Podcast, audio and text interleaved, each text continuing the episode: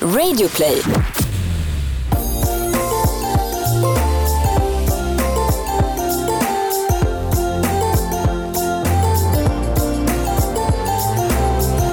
Hej och välkomna till nya podden Bakom varumärket där vi Jenny Kaiser. och Jessica Morales låter dig inspireras av människorna bakom några av våra största och mest ikoniska varumärken.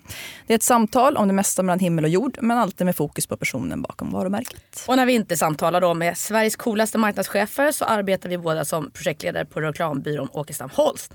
Ja, och Åkestam Holst är faktiskt lite som vi. Eh, de har varit med ett tag. 20 år faktiskt. Lite till, å- lite till åren. Till åren.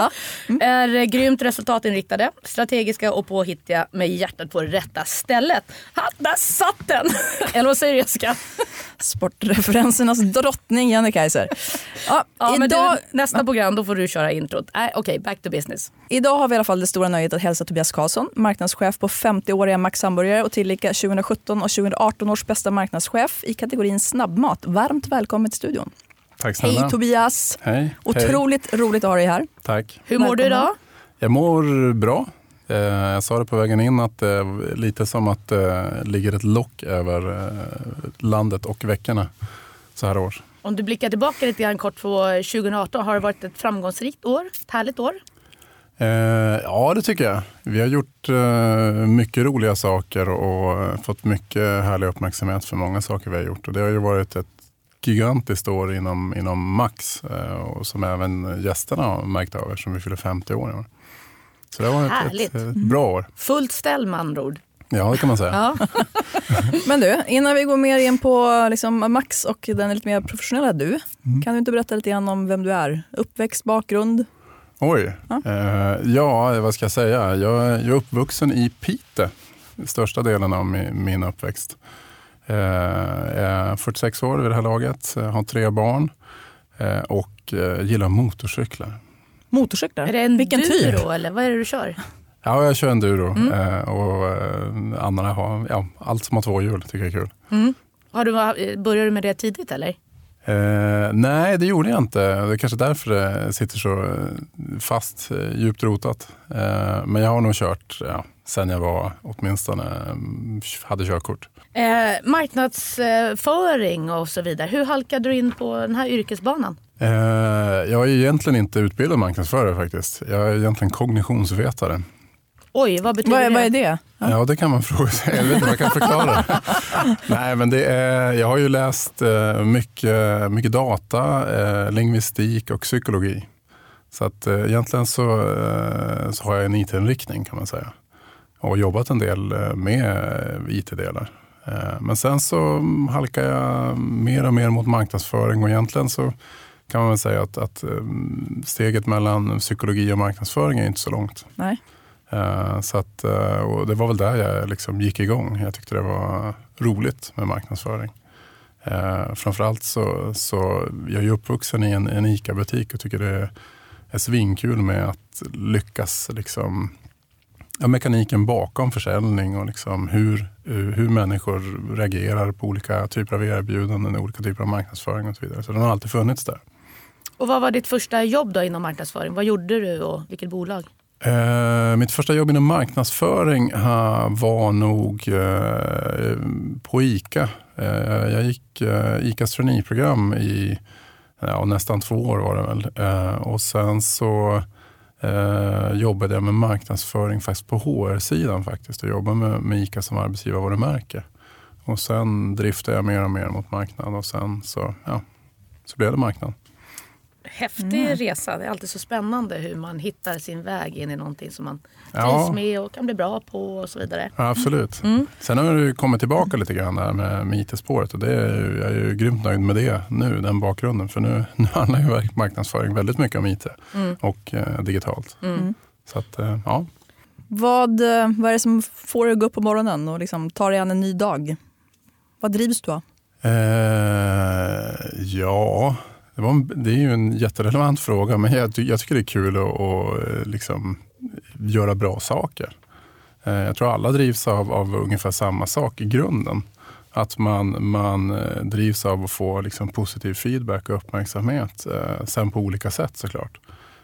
Men att gå till jobbet och känna att vi gör ett bra jobb och att vi lyckas och att människor runt mig, i synnerhet som i min chefsroll, mår bra och känner att de, de har en, en plats där de betyder någonting. Det, det går jag också igång på. Din karriärresa är ju imponerande. Man tänker att du har jobbat inom ICA, Polan och Pyret, Plantagen och nu Max Hamburgare. Sådär.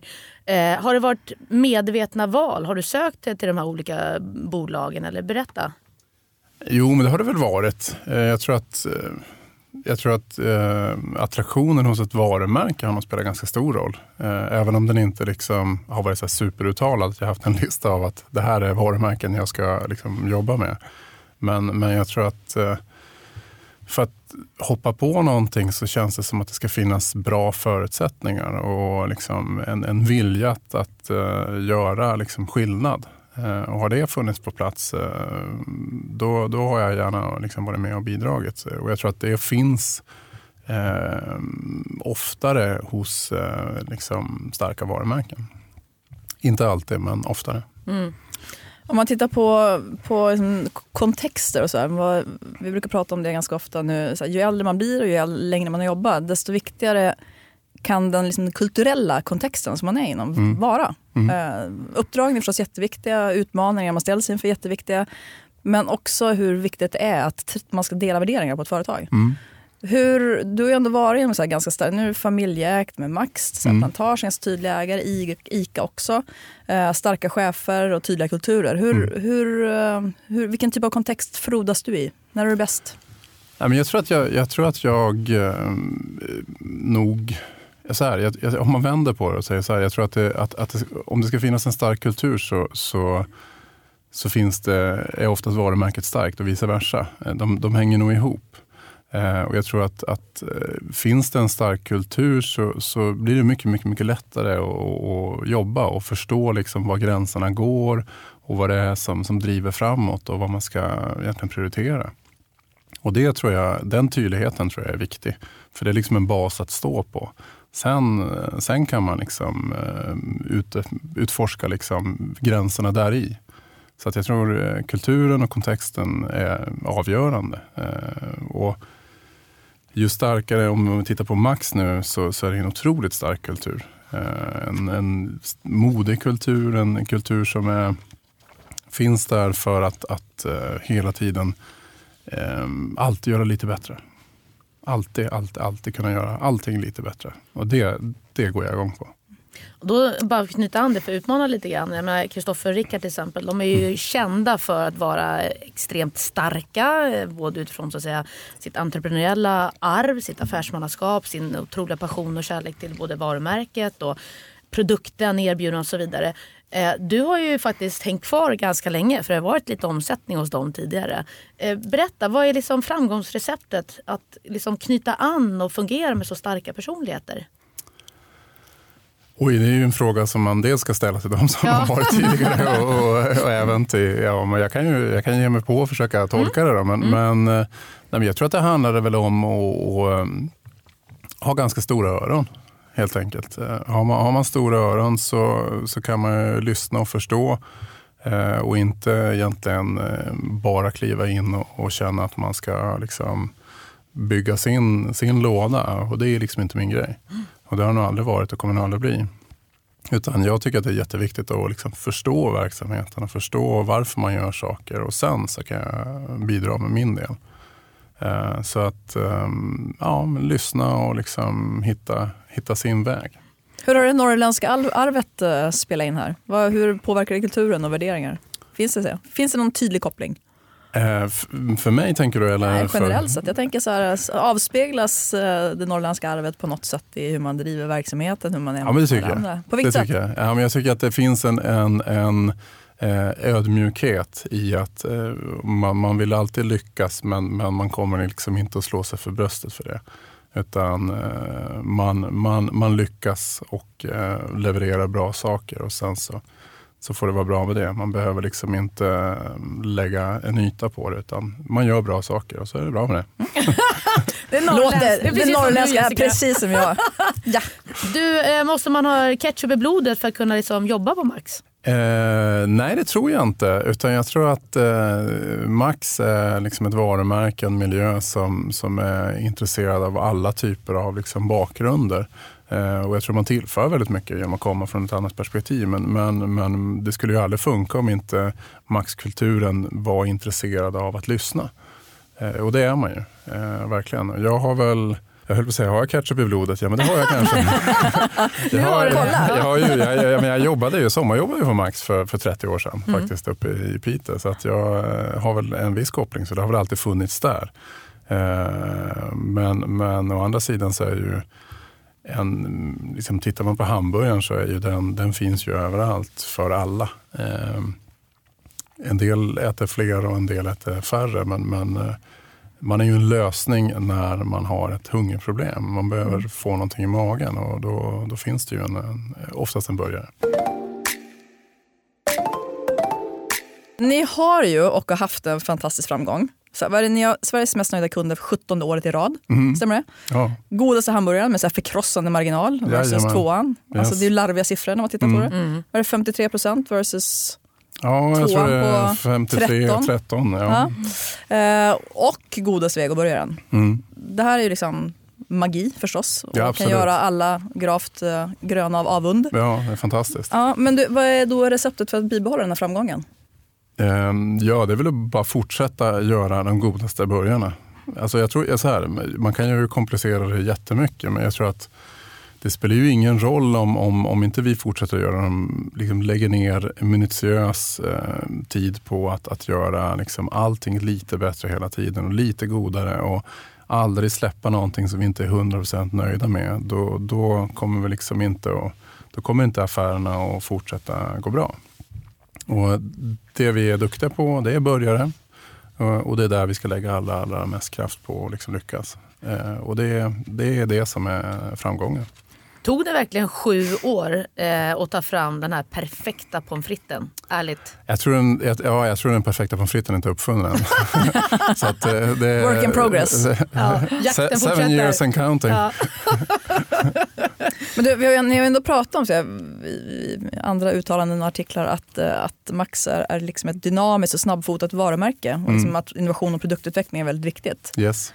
Hur, hur lirar det med att det tar sju år att ta fram en pommes frites och lång tid för hela eh, Green-familjen att komma till? Hur, eh, ja, det är ett iterativt arbetssätt ja, kan man säga. Nej, men det, det, det, handlar ju, det, det handlar ju om liksom att, att eh, förädla det man kan förädla och, och till slut så, så det är klart att samhället förändras. Man måste ju hitta nya vägar. Och tittar man på, på vad Max har gjort de senaste fyra, fem åren så det är klart att att introducera en massa liksom, vegetariska alternativ, det är ju verkligen att hitta en ny väg. Mm. Eh, sen så behöver man ju förfina och liksom, eh, skruva på det man redan har. Men du, när man är så bra som ni är vad gäller smakburgare eh, och annat, eh, blir man modigare då eh, att kunna ställa ut och testa nya saker? Och flyger inte så flyger det, eller blir det precis tvärtom? Uh, nej, jag, nej alltså jag tolkar det som att, att det är en fördel. Det gör att vi är modigare. Mm. Eh, men jag tror att det ligger också i kulturen och DNA på, för Max varumärke att vara modig och liksom våga testa saker. Eh, och det värsta som kan hända är att det inte funkar och sen så får man tänka om igen. Och jag tror att det är ju faktiskt en, en eh, enorm tillgång. Mycket, mycket, mycket större än vad jag, vad jag kunde ana utifrån. Eh, och, och, Det tror jag är, liksom, det är inte något man kan bara bestämma sig för i en, företagskultur. Utan det är någonting som, som man långsamt men säkert liksom känner, mm, ja, man känner sig bekväm i. Men du, vad är största floppen hittills? Oj, jag tror att vi har, jag tror vi har samlat en massa floppar faktiskt på, i, i Max historia på, på webben. Men, men eh, jag har ju... Den senaste? Den senaste. Mm. Jag har inte nog varit med om någon riktig sådär eh, superflopp Kommer du ihåg att han är Sveriges bästa marknadschef? Nej, jag, jag, det, jag har nog en historik med många floppar annars. Men, men just på Max har jag nog ingen så. Men jag vet att Max gjorde någon gång en eh, dijonburgare med dijonsenap och, och, och, som, som grädde på moset så fick man dessutom en burk dijonsenap när man köpte den. eh, och jag tror att den där dijonburkarna stod kvar i något lager forever. Mm. Till slut så vill inte folk se dijon men Nej. man har testat allt. Ni har ju varit jätteduktiga när det gäller också eh, hållbarhetsstrategi. Mm. Alltså från eh, produkttjänsteutveckling Mm. och så vidare. Men också utifrån hur ni jobbar med det i hela Mm. egentligen distributions och logistikleden. Men Mm. eh, vad gör ni liksom utanför eh, menyarbetet och så vidare för att bidra till världen lite bättre? Eh, jag, tror, jag, tror, eh, jag, jag tror hemligheten är att det inte är en strategi. Utan det är en del av eh, det dagliga jobbet. Och det låter ju asklyschigt. Men, men det är verkligen en, en del av det. Och man kan säga, att vi pratar ju om att vi har Sveriges godaste burgare. Eh, och nu är det ju burgare, inte hamburgare längre. Utan det är burgare av flera anledningar såklart. Eh, men, men det har ju två delar. Eh, godast är ju dels smaken man känner, det man upplever när man tuggar det, när man liksom känner att ah, men gud, vad gott.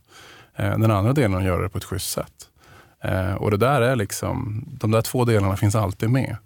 Eh, och har funnits med jättelänge. Eh, det har funnits med sedan egentligen starten. Att göra saker på ett schysst sätt. Sen har ju liksom tiden, vi har lärt oss mer och omvärlden har ju förmodligen utvecklats också när det gäller vad som är okej och inte och vad som är bra för världen och klimatet och alla de här sakerna. Och då har ju vi anpassat oss efter det. Så att eh, när vi klimatmärkte menyn för tio år sedan så var det, vi var ensamma om det i världen och ja, det, det är nog många som inte har fattat än. Men, men tiden kommer. Liksom. Snart trillar kronan ner. Kanske, kanske. Men är det, bara för att återvända lite grann till det du sa Janne, finns det några andra typiska projekt som, eh, som rör sig bortom för liksom, dagliga verksamheten på Max och burgarna och liksom, hur, hur de framställs? Gör ni någonting annat? CSR? CSR eller- eller? Ja, vi jobbar ju jättemycket med de frågorna också. Nu kommer ju det lite i bakgrunden av liksom hållbarhetsarbetet Mm. som, som, är, som är väldigt stort. Men vi jobbar ju eh, vi jobbar ganska djupt med Samhall för att, att eh, få människor i arbete som kanske står utanför arbetsmarknaden. Eh, och har mycket sådana liksom, lokala projekt och många människor i restaurangerna som, som hittar en plats i, i livet på Max. Vi känner igen oss lite grann för att på Åkestam så har vi ett högre syfte eller en Mm. vision som eh, vi har liksom framat som heter Create Good eller som heter så är Create Good. Och det är en eh, ledstjärna för oss internt och det kan man Mm. lägga många olika betydelser i. Men någonstans allt ifrån att se till att den så att säga, kommunikation vi skapar ska vara så värdeskapande bara går för Mm. liksom, slutkonsument och så vidare. Och även bidra till människor och världen och våra kunders liksom, eh, vardag så gott vi bara kan. Mm. Och där har vi pratat jättemycket också när det gäller talang till exempel. Att just ett företags värderingar och inte bara att uttala dem utan att leva dem är så avgörande. Spegla, känner du igen dig i det? Men jag tror att om man ska göra det på riktigt så måste man leva det. Sen, sen blir det ju det blir också lite klyschigt att säga att man ska leva något. Men antingen så, så köper man in på en kultur och värderingar eller så gör man det inte. Och då kommer det liksom inte att funka. Och jag tror att Max är verkligen så att, att köper du in på, på det som Max står för, då är det fantastiskt. Eh, tycker man att det skaver på något sätt, ja, då blir det pannkaka. Så är det nog med många bolag. Eh, Jag tror inte minst en, eh, jag tror eh, ett stort eh, möbelvaruhus har säkert samma eh, typer av, av, av starka värderingar som man, man antingen köper eller inte. Och ju, fler, så att säga, ju mer man växer och ju fler så att säga, människor man får in i verksamheten desto mer utmanande är det ju att faktiskt leva upp till de Självklart. löftena som du säger. Självklart. Men en fråga som jag- nu, det är väldigt tydligt att liksom hållbarhetsfrågan är en av de viktigaste hörnstenarna för er. mm. Eh, Men hur, eh, hur speglar det liksom verksamheten, affären och, och varumärket? Alltså, Mm. Bryr sig folk om det här? Eller kommer de till Max för att hamburgaren är bäst och de övriga burgarna är swell? Vi ska Ja, inte prata bara hamburgare. burgare. Ja, precis. börja- precis. Eh, nej men, eh, så här, jag, jag, eh, utan den goda produkten så, så funkar det inte. Utan det måste alltid vara nummer ett. Eh, sen sen så är det ju, finns ju många anledningar till varför man blir vald. Eh, läge är ju alltid nummer ett. Eh, så, så är det ju i många branscher. Eh, sen kommer liksom produkten och många gånger service och känsla runt omkring. Men ganska högt upp kommer sådana här värderingar som att eh, vi är de enda som faktiskt har svenskt kött. Eh, och det, gör, det är ganska, man är ganska medveten om det. Även om det inte är så att man kanske står precis i situationen och tänker att Nej, men nu ska jag välja den för, av de här värderingarna. och så vidare. Så när det gäller hållbarhet och att vi har svenskt kött och så, så, så blir det liksom delar i parametrarna av att man tycker om varumärket. Eh, och tycker man om varumärket, då blir man oftare vald. Det är liksom inte mer komplicerat än så tror jag. Eh, och, och det, där, där, där står vi oss väldigt bra och jobbar med sådana värderingar som vi tycker är viktiga. Och den, det är många som delar de värderingarna. Man skulle kunna eh, jämföra eh, snabbmatskategorins eh, eh reklam med skönhetskategorin. Eh, väl... Ska vi se om vi får det okej? Okay. Ja, Ska vi se vad vi landar i? Ja, nej, men, eh, eh, om man tittar på hur reklam, alltså mm. mat eh, porträtteras i reklam så är ju de här hamburgarna fantastiska. Alltså, mm. Snålvattnet rinner till, mm. man känner smakerna och krispigheten och så vidare. Och sen kommer man in och köper sin hamburgare och det handlar inte om, om Max specifikt utan rent generellt. Och så är hamburgaren kanske hälften av den storleken man uppfattar den som. Den är inte speciellt fint monterad mm. och liksom den här härligheten man efterlängtar kanske inte riktigt det där. Kommer vi någonstans framöver utifrån att ni är transparent företag får se en, en naken hamburgare, får säga, en riktig hamburgare? En odressad? Ja. Eh, en naken hamburgare vet jag inte. men, men det är klart att det, det, finns ju alltid en utmaning mellan reklamvärlden och liksom den, den, den värld man upplever som, som gäst. Och det finns det ju i alla branscher. Eh, det är ju sällan liksom, eh, mjölken studsar så fint som när man häller flingorna i, liksom i tv-reklam jämfört med verkligheten. Eh, det som är viktigt när vi tar bilder och liksom, det är att porträttera vad är det för någonting i. Eh, och det gör ju att vi, vi monterar i början på ett sätt som gör att man kan se det. Och så kan vi inte göra i vår produktion. Utan då handlar det ju mycket mer om att eh, du har andra värderingar när du står där och andra kriterier för att till exempel att det ska gå väldigt fort, att den ska vara varm och liksom andra saker. Så det skiljer eh, mellan de här delarna. Men jag tror att det är en intressant tanke, liksom den här med transparensen av hur mycket man ser och inte. Och, så där. och där är det hänt enormt mycket eh, på alla områden och även hos oss. Att man ser ju rakt in i köket, man ser vad som händer, man ser hur produkterna görs och så vidare. Eh, och det är ju ett sätt att, att någonstans brygga över det här. Också. Vi pratar rätt ofta, eller det gör hela branschen, om att hitta den här perfekta balansen mellan kortsiktig liksom, mm. taktiskt försäljningsdrivande reklam och långsiktig varumärkesförflyttande. Mm. och det är 60-40 och det är övriga diskussioner. Men, men er kategori ser ju annorlunda ut. Mm. Hur stor del, alltså hur ser en viktning ut mellan produkt och eh, varumärke? Ja, Om man nu ska särskilja det från ja, varandra. Men du förstår vad jag menar. Ja, jag fattar vad du menar. Ja. Men, men det, och det är väl alltid den ständiga frågan, liksom, kan man särskilja det mm. eller inte? Eh, jag tror att vi, vi jobbar nog, jag ska inte säga annorlunda, men vi eller jag tänker annorlunda på det. Jag tror att, att uh, varumärket Max har gjort det ganska länge också. Och det är ju att, att vad vi än gör så bidrar det till det ena eller det andra. Eh, det är klart att finns inte början med i det vi visar i en reklamfilm och så vidare, det är klart att då blir det ju längre till produkten. Eh, men, men när vi visar produkten, då finns det många andra värden med också. Eh, sen handlar det väl ganska mycket om hur man, man säljer sin produkt och, och vad man trycker på och så vidare. Eh, trycker man mycket på liksom lågt pris eller rabatt eller den typen av saker, ja, det är klart då får man ett annat varumärkesvärde. Så, mm. så är det alltid. Jag skulle säga att vi, vi eh, om, man, om man tvunget måste dela upp det så skulle jag säga att vi kanske har en eh, 70-30 mot position och varumärke. Eh, men början finns alltid med där. Ett poddtips från Podplay. I fallen jag aldrig glömmer djupdyker Hasse Aro i arbetet bakom några av Sveriges mest uppseendeväckande brottsutredningar går vi in med hemlig telefonavlyssning och, och då upplever vi att vi får en total förändring av hans beteende. Vad är det som händer nu? Vem är det som läcker? Och så säger han att jag är kriminell, jag har varit kriminell i hela mitt liv men att mörda ett barn, där går min gräns. Nya säsongen av Fallen jag aldrig glömmer på Podplay.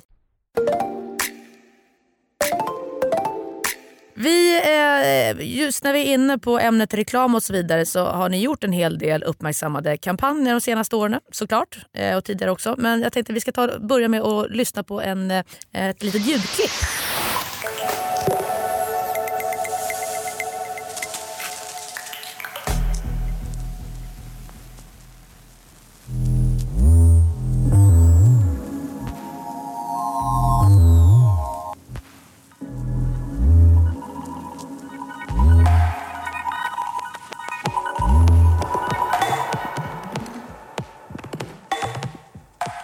En ljudsatt hamburgare, eh, Mm. Tobias. Eh, ursäkta, men eh, berätta. Varför då och vad var det här för typ av kampanj? Eh, Jag tror inte det var gjort, så vi var tvungna att göra det.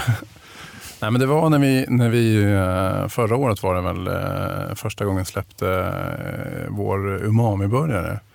Eh, Och det, är ju, mm, det sägs ju vara den femte smaken. Det blir ju femte va? Ja, tror det. Eh, och eh, för att egentligen eh, trycka lite hårdare på eh, just att det är lite så här, kan man känna den och så vidare, så, så drog vi det lite längre och tänkte att ja, men kan man höra det? Hur, hur, hur låter det? Så vi hade inne ett gäng som, som faktiskt eh, ljudsatte varje ingrediens. Och det var ju ett bra sätt och intressant sätt och liksom att skapa uppmärksamhet kring produkten och fundera lite grann för ett slag. Eh, Finns det, hur, hur, hur låter saker? Eh, och man kan väl göra tvärtom. Liksom, hur, hur, smakar, hur smakar ljud? Ja. Eh, Men, men, men vi, vi valde att göra det så här och eh, fick ganska mycket intresse runt det. Och framförallt så tyckte vi det var oerhört spännande att göra.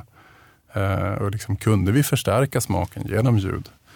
Eh, Så vi testade och satt och käkade med hörlurar och lyssnade på det här samtidigt. Känner man, känner man liksom smakerna mer? Känner man mindre? och så vidare. Nej, Hur, hur låter sallad? Eh, Jag tror att de finns på Spotify. Du får lyssna, får lyssna på sallad sen. Ja. Krispigt. Krispigt. Ja. Men eh, eh, vi, sk- man ska aldrig prata om konkurrenterna och så vidare men jag tycker Mm. det är ändå lite intressant. För att en, ett varumärke i er kategori, eh, framförallt på global nivå, är ju extremt utmanande skulle jag faktiskt vilja påstå i sin reklam. Mm. Eh, och kanske till och med spela med lite fula trick bara för att skapa uppmärksamhet kan man läsa i social media och i press och sådär. Vad är bra reklam egentligen? Eh, jag tycker ju personligen att bra reklam är sån som, som eh, man tycker om. Alltså börjar man i den änden, om, om det finns minsta skav av att man känner att ah, men det här känns inget bra, då blir det ju inget bra. Eh, så det är ju liksom nummer ett. Den andra, den andra delen är väl att någonstans så ska det finnas någon emotionell koppling. Om inte det, liksom, det emotionella finns där i relevansen eller vad det nu kan vara, så, så tror jag inte det funkar. Eh, sen kan det ju liksom, det finns bra reklam, men frågan är om de liksom alltid gör jobbet på kort eller lång sikt. Mm. Och när att- ni utvärderar er reklam och så vidare, Mm. vad är de viktigaste KPI-erna då, förutom försäljning och kanske trafik till restaurang och sådär?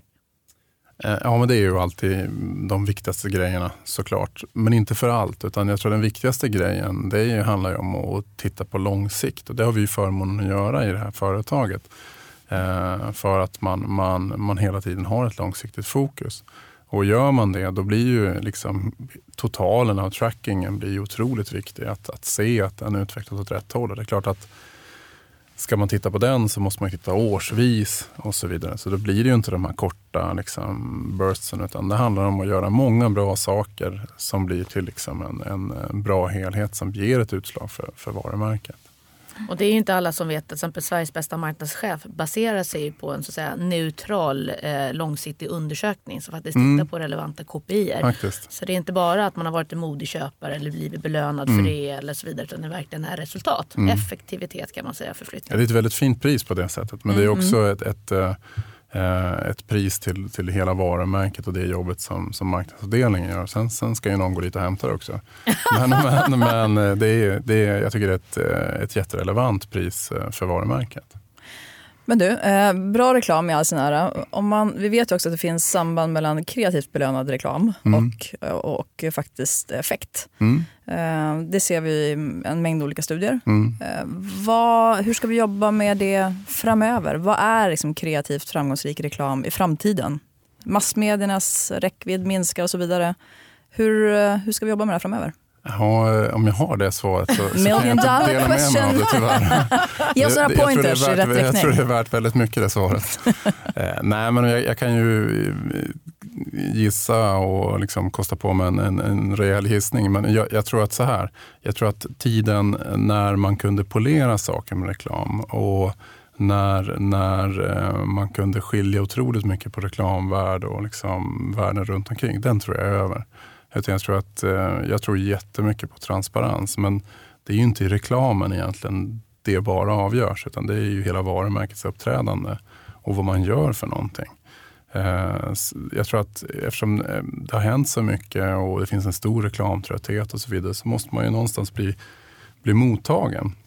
Och mottagen kan du bara bli om du har någon relevans i, varumärket och, och de produkter du gör. Och blir du det, då kan du både göra kreativ och, och liksom rolig reklam för att man är liksom beredd att, att ta till sig den.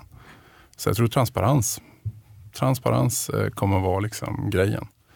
Eh, sen kan man vara modig och man kan vara fyndig och man kan göra alla möjliga eh, grejer. Men jag tycker man ser jättemycket reklam nu som eh, går i moll, som funkar. Men Ge oss ett exempel. Gör, ja, men jag, tycker, jag tycker till exempel all Volvo-reklam gör det. Det känns inte så här superhärligt, men det känns tryggt och ganska... Eh, är man öppen för varumärket så tror jag man älskar dem. Så mer än nästan en bekräftelse man fyller på ett kapital ja, man redan har. Absolut. Mm. absolut. Och jag tror att det, just därför så, så, blir det så viktigt att lyssna på vad man har i sitt varumärke och sen, sen agera utifrån det. Och det är ju en utmaning såklart för byråer mm. eh, som ska hjälpa till med den kreativa biten. Och därför måste man ju som, som byrå kunna minst lika mycket om varumärket som, som köparen för att, att eh, sen lägga på det här som, som man faktiskt har som byrå som man inte har möjlighet att ha eh, in, inom liksom företaget. Det, där är, det finns den här eh, gamla sägningen att först eh, tröttnar byrån på konceptet eller idévärlden. Mm. Sen tröttnar kunden och mm. stackars slutkonsument de tröttnar aldrig för de hinner inte. Lite grann tillbaka till det du säger om Volvo att de har ju faktiskt byggt också ett enormt starkt reklamkapital brukar mm. vi liksom prata om. Mm. Med liksom alla olika typer av utspel tillsammans med räckviddskampanjer och så vidare. Mm. Och när man har etablerat det då kan man ju gräva ur det och liksom kapitalisera på det under ganska oh ja. lång tid. Oh ja och det kan man ju säga, det har ju ni också gjort på ert sätt. Ja, det kan man nästan säga att vi har gjort. Eh, med egentligen då med, med, med produkten i centrum. Eh, liksom att aldrig liksom vika ifrån den tron kring, kring just den, den, den goda början. Eh, och sen har vi fått eh, jättemycket kärlek för varumärket för att vi har hållit oss till, till den delen. Eh, så det har varit väldigt framgångsrikt, men också tagit lång tid. Alltså kärlek till ett varumärke, det sker ju inte så ofta om man nu säger så. Att bygga en, en eh, lojal fan-trupp och så vidare. Mm. Det är det vi alla drömmer om. Ja. Men det är ju svårare och svårare och svårare mm. att uppnå faktiskt. Mm. Det är bara grattis. Mm. Nej, men det kanske är så att, att egentligen kanske ett varumärke som man inte funderar så himla mycket på i vardagen men mm. som alltid finns där. Mm. Som är någon slags trygg eh, kompanjon på vägen vart man än ska. Fyren i mörkret. Ja, fyren i mörkret. max, max fyren i mörkret. Man blir lite som, ändå lite då nyfiken. Du äh, nämnde Volvo som ett varumärke på en fråga vi hade. Men äh, är det någon annan aktör i Sverige eller utomlands som du tittar på med beundran och, och är imponerad över deras sätt att kommunicera och stärka sitt varumärke och så vidare? Egentligen inte. Alltså, alla pratar ju om samma, samma exempel. Det är ju alltid liksom Apple och det är sådär. Men jag, jag, jag tror det, det, man kanske inte pratar så mycket om det är ju egentligen eh, va, varför tycker man om dem? Det, och jag tror att tittar man på det så är det väl produkten man egentligen tycker om. Man tycker om sättet de gör saker på och så vidare. Och sen när reklamen kommer så, och vad härligt. Det här tycker jag också om. Jag tror återigen att, att eh, är man dedikerad sin produkt så får man också ett bra resultat. Ja, jag tror att jag håller med dig till fullo. Jag, jag tror att, att det är väl det som är den största utmaningen med, liksom, det är inte ens kvartalsekonomi numera i många företag utan det är typ veckoekonomi och allt går mm. fortare, fortare, fortare och samtidigt ska du kvalitetssäkra den här liksom kundupplevelsen genom hela kundresan ja. och i slutändan leverera en produkt eller en tjänst som motsvarar den förväntan du har mm. skapat mm. eller den förväntan som du faktiskt är van vid sedan mm. år tillbaka. Det är en otroligt utmanande tid vi lever i skulle jag säga. Oh ja. Mm. Oh ja. Och, och jag tror inte det finns, eh, det finns liksom inte plats för att, att inte vara dedikerad. Nej. Eh, då, det, det kommer inte hålla. Nej, jag håller med. Framåt då? Nu, mm. liksom, det känns som att vi har, det finns en ordentlig grogrund att stå på. Ni har gjort mm. något fantastiskt under lång tid. Vad är möjligheterna framåt? Vad är nästa steg? För att fortsätta på samma bana som ni gör, vad, vad, finns det några gränser för vad ni kan åstadkomma? Uh, ja, det gör det såklart. Men jag tror, att, uh, jag tror att vi är ganska medvetna om var våra gränser går och sen så gör vi det allra, allra bästa vi kan hela tiden Sen kommer det ju nya saker även i vår bransch. Man kan tycka att det, det handlar liksom om, om någonting mellan två bröd eh, och det gör det ju i stort. Eh, och tillbehören till och, och, så vidare. Men, men tittar man bara på Ja, men ta de sista fem åren eh, så har ju liksom förändringen för oss har varit total. Eh, vi, eh, för fem år sedan hade vi ju inte eh, vegetariska burgare. Vi hade någon, någon variant eh, någon, som vi liksom inte hade lagt lika mycket kärlek på som de andra produkterna. Men när vi la lika mycket kärlek på, på det sortimentet och vi ställde samma krav på det sortimentet, det ska vara minst lika gott eller godare. Då, då hände det grejer och den resan har ju bara börjat. Jag tror att vi har ju gått till en, en, stor andel gröna produkter på nästan ingen tid alls. Eh, och det tror jag kommer att, det kommer att explodera. Eh, varför ligger eh, konkurrenterna så långt efter? Om man får säga så. Eh, jag tror att de inte har varit lika modiga helt enkelt. Eh, jag tror att vi, vi hade funderat och hade den här känslan. Nu var inte jag med när vi lanserade Green-sortimentet. Eh, men, men jag tror att eh, det handlade om att, att, ha frihet att göra det man känner för och eh, våga ta ett beslut med magen. Jag, säger, jag skulle lägga till också det är en timingfråga. när man driver sån extremt liksom, stor verksamhet som många i ert liksom, segment gör så är det inte en sån enkel omställning heller eh, Absolut från inte. en dag till en annan. Oh, vi hade provat några gånger ja. innan också. Mm. Sen, eh, så när vi väl gjorde det den här gången så gjorde det vi både rejälare, bättre och godare men också fick tajmingen med oss. Mm. Den, den har ju varit oerhört viktig. Mm. Och eh, snart vankas det ett nytt år igen, mm. 2019. Yes. Vad drömmer du om? Ja, jag drömmer om att eh, alla skulle kunna förklara och förstå vad klimatpositiv betyder. Det är fokuset alltså för 2019? Yes. Jättespännande. Det skulle jag också vilja faktiskt veta. också er senaste kampanj, eller hur? Alltså. hur togs den kampanjen emot? Eh, den, har, den har ju gått bra på så sätt att vi har fått den uppmärksamhet vi har behövt för den och så vidare. Men, men det som, det som eh, är den stora utmaningen är att förstå djupet i det. Eh, förstå att det, det faktiskt är någonting som vi är ensamma om i världen. Eh, det finns faktiskt en till på, på, som vi känner till. Eh, som ett, ett företag till som är klimatpositivt. Det är en, en bildelningsfirma på Nya Zeeland. eh, men sen är det vi. Eh, och, Jag tror att det, storheten i det vi gör eh, är lite svårt att förstå. Men, men samtidigt så jag menar, givet de klimatutmaningar vi står inför och så vidare så måste vi prova olika saker. Och med, med liksom den kunskap som finns till buds nu, det vi känner till, så tror vi att det här är det bästa man kan göra. Och, och kan vi göra det och inspirera andra att göra det, då, då kommer vi verkligen att lyckas. Men, men vi hjälper lyssnarna bara lite grann. Vad är skillnaden mellan att vara klimatpositiv och klimatneutral? Ja, man kan, enkelt kan man beskriva att vårt klimatarbete handlar egentligen om, om några olika grejer. Det, det, första handlar om att göra en vettig klimatanalys som verkligen tar hänsyn till helheten. Och då brukar man prata om skop 1, 2 och 3. De flesta jobbar med, med skop 1 och 2 eh, och tittar liksom på vilken påverkan man har och sådär. Men, men skulle vi göra det så skulle det bara vara en bråkdel av hela vårt klimatavtryck. Utan den stora delen ligger i maten och hur maten eh, tas fram. Den ligger till och med i gästens resa till och från vår restaurang, från personalens resa från och till restaurangen. Så vi har verkligen tagit ett så stort grepp vi bara kan. Eh, när man har gjort den delen och har fångat liksom vad är det vi gör, då kan man eh, givetvis, då måste man jobba också med att minska sitt avtryck eftersom man då vet vilket avtryck man har så kan man jobba med minskningar i, i liksom alla dess delar. Det gör vi ju jättemycket. Och sen det man inte kan göra nu, det måste man också ta ett ansvar för. Och det gör vi genom att klimatkompensera. Eh, och vi gör det genom att plantera träd för det är en metod som, som är liksom just nu den säkraste. Det kommer säkert att komma massor med andra metoder och då, då står vi och knackar på, på dörren där.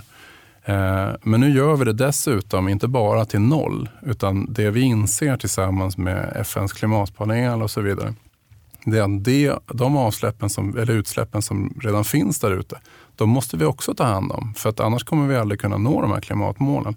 Därför lägger vi på 10 procent ytterligare för att, att binda ännu mer koldioxid från atmosfären. Och då blivit totalt sett. Eh, först blir, blir det noll och sen blir det plus. Det vill säga att vi binder mer, mer eh, koldioxid än vad vi släpper ut. Ja, imponerande. Verkligen. Det här, Ja, det det är här är, fantastiskt. fantastiskt. det är fantastiskt och det känner, man känner nästan på en gång att det här borde ju med, det medför nästan någon slags av större ansvar. Hur, hur ska ni utbilda folk här? Är det skolan nästa Stopp, stopp, eller är det stopp. butik, Nej, blir det men stopp, restaurangerna? stopp, oj, oj, stopp, stopp, stopp. Pitchen här. Skicka briefen Tobias så hjälper vi till med det. Oj, oj, oj, stopp, stopp, stopp. oj, oj, förlåt, förlåt. Ja. Det är the awkward moment här i studion. Tobias tog en klunk. Ja. Nej, men, men på riktigt, det är ju faktiskt det är ju beundransvärt. Och Ja, jag kan nästan tycka att eh, det där är någonting som man behöver se över. Alltså, så här, hur, hur ska Nej, man hjälpa till hör att förklara? Så, nej, men när man hör det så tycker man låter det Utbilda. självklart. Det, här, det är Ja. klart att alla företag ska ta det här ansvaret. Och, och vi som, som individer i samhället måste också ta ett ansvar. Men jag tror att jag tror en, en, en nyckel till att vi ska lyckas med de här grejerna, det är ju att vi, vi är ju inte beredda att försaka vad som helst. Eh, utan vi måste kunna eh, göra det livet vi lever eh, mycket, mycket, mycket lättare. Att, och i det livet kunna vara med och påverka. Så kan jag göra liksom val av när jag ska köpa en produkt eh, och välja klimatpositiva produkter. Det är klart att då kommer jag kanske göra det i större utsträckning.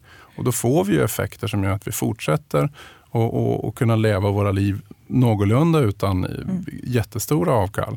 Eh, men också får en positiv effekt för miljön. Eh, och det där tror jag stora hemligheten ligger. Att, att det är så vi kanske behöver börja tänka. Nyttja konsumentkraft, att konsumenter bör ställa krav på liksom, företag som de köper från. Ja, absolut, absolut. Och man kan ju tänka sig att, att du i princip eh, alla produkter du köper ska vara klimatpositiva.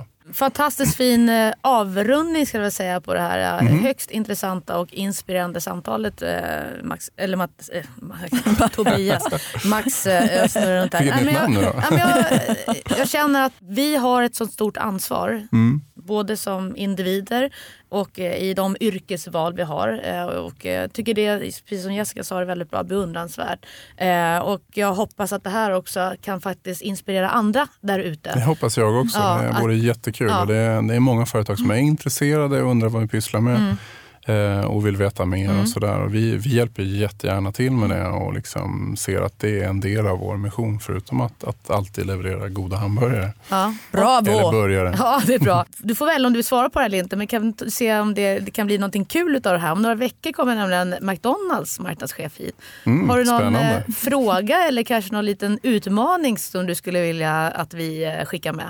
Eh, nej men jag tycker de gör många bra saker. Jag tycker att det är jättekul att de kommer med, med, med, med ett vegetariskt alternativ. Eh, och, och man kan ju hoppas att, att eh, McDonalds som är ett väldigt stort företag i världen också eh, inspireras av, av det de har gjort i Sverige. Som i sin, tur faktiskt är inspirerat av oss.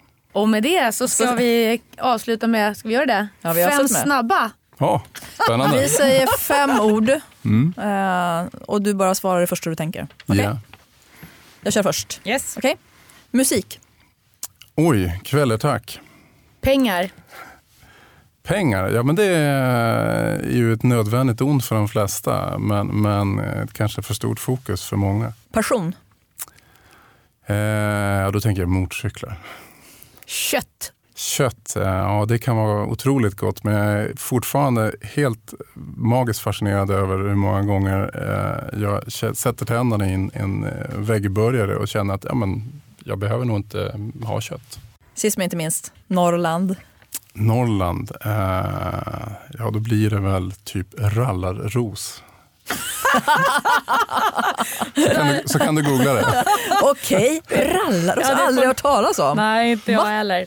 Vi hade ju helt klart kunnat sitta här hela kvällen och Mm. fortsätta prata med dig eh, Tobias. Eh, igen, stort tack för att du har varit Tack med själva. i eh, poddprogrammet Bakom varumärket. Eh, Det har varit ett rent nöje att ha det här ikväll. Eh, och vi hoppas vi får nya möjligheter och eh, prata ännu mer om era spännande projekt som pågår på Max Hamburger. Kul, tack. Och nästa vecka så gästas vi av, eh, vi har faktiskt ingen aning, det kommer vara en överraskning. Japp, vi vet inte vem det är nämligen. Det enda vi vet är att det är vinnaren av det nyinstiftade priset Hundrafattaren. Alltså hundrafattaren som delas ut på årets hundravattare. Och det är alltså ett pris som belönar ansvarsfull kommunikation. Spännande. Väldigt spännande, undrar vem det kan vara. Verkligen. Det här är Jenny Kaiser. Och jag Jessica Morales från Bakom varumärket Signing Off. Vi hörs om en vecka people. Bakom varumärket presenteras av Bauer Media. Störst i Sverige på ljud.